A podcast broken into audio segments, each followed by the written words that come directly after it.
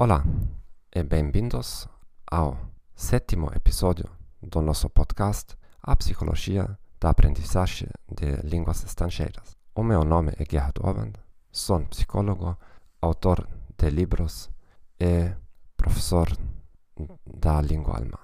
Neste episódio falaremos de a vantagem de falar lentamente.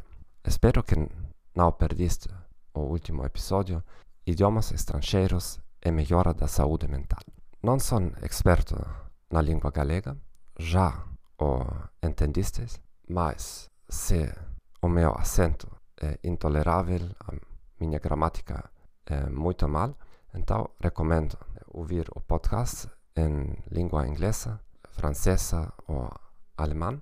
Prometo de melhorar a qualidade da língua nos próximos episódios. Posso garantizar que em dois meses, três meses, a parte linguística será quase perfeita. Ok, eh, se aprender uma língua estrangeira é um fator crítico para a tua carreira, então recomendo o meu livro The Go Method, disponível em Amazon em formato Kindle e tradicional. Lá encontrarás não somente mais de 15 técnicas de aprendizagem acelerada de línguas estrangeiras, mas também instruções passo a passo como instalar uma rotina diária para obter resultados. Bom, ah, e em duas semanas aparecerá o meu novo livro, 21 Self-Limiting Beliefs in Foreign Languages Smashed, também em Amazon. O nosso tema de hoje, a vantagem de falar lentamente. A maioria dos estudantes de línguas pensam que se falam muito rapidamente, a gente pensará que eles são falantes muito competentes. Muitos estudantes se queixam, os falantes na outra língua falam rapidamente demais. É sempre a outra língua. Os alemães, os alemãos falam tão rápido. Os franceses, os italianos, os americanos, é sempre a outra nacionalidade. Mas também os próprios estudantes querem falar tão rapidamente, tão rapidamente estrangeiros. Isto não é sempre uma boa ideia.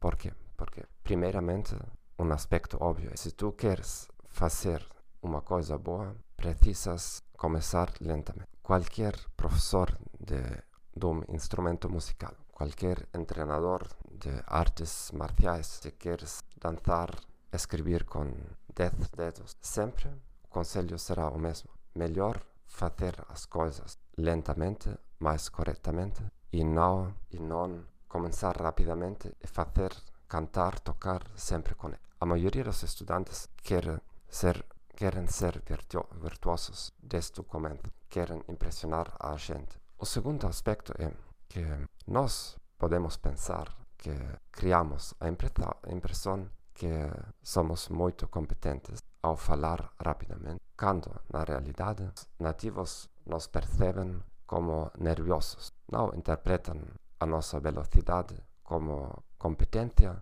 mas como ansiedade, nervosismo.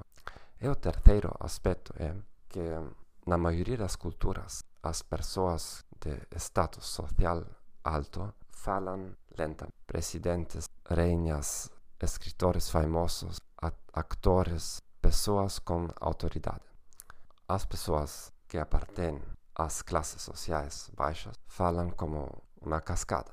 Por quê? Quizás porque acham em qualquer minuto podem ser interrompidos. Uma pessoa de autoridade sabe que ninguém não tem o direito de interrompê-la. Bom, espero que esta informação fosse útil para ti. Como prometi antes, a qualidade do meu galego melhorará significativamente nos próximos episódios. Se é intolerável demais, então recomendo de escutar o podcast noutra língua no nosso site um, thegomethod.org podcast. E em do, dois, três meses voltar aqui para verificar se no intervalo de tempo aprendi a falar corretamente. Graças também, também por recomendar o podcast a amigos, colegas ou parentes. Se tens recomendações, críticas ou sugestões para os próximos, próximos episódios, também escreva-me por Facebook temos un sitio o por email. Ciao ciao.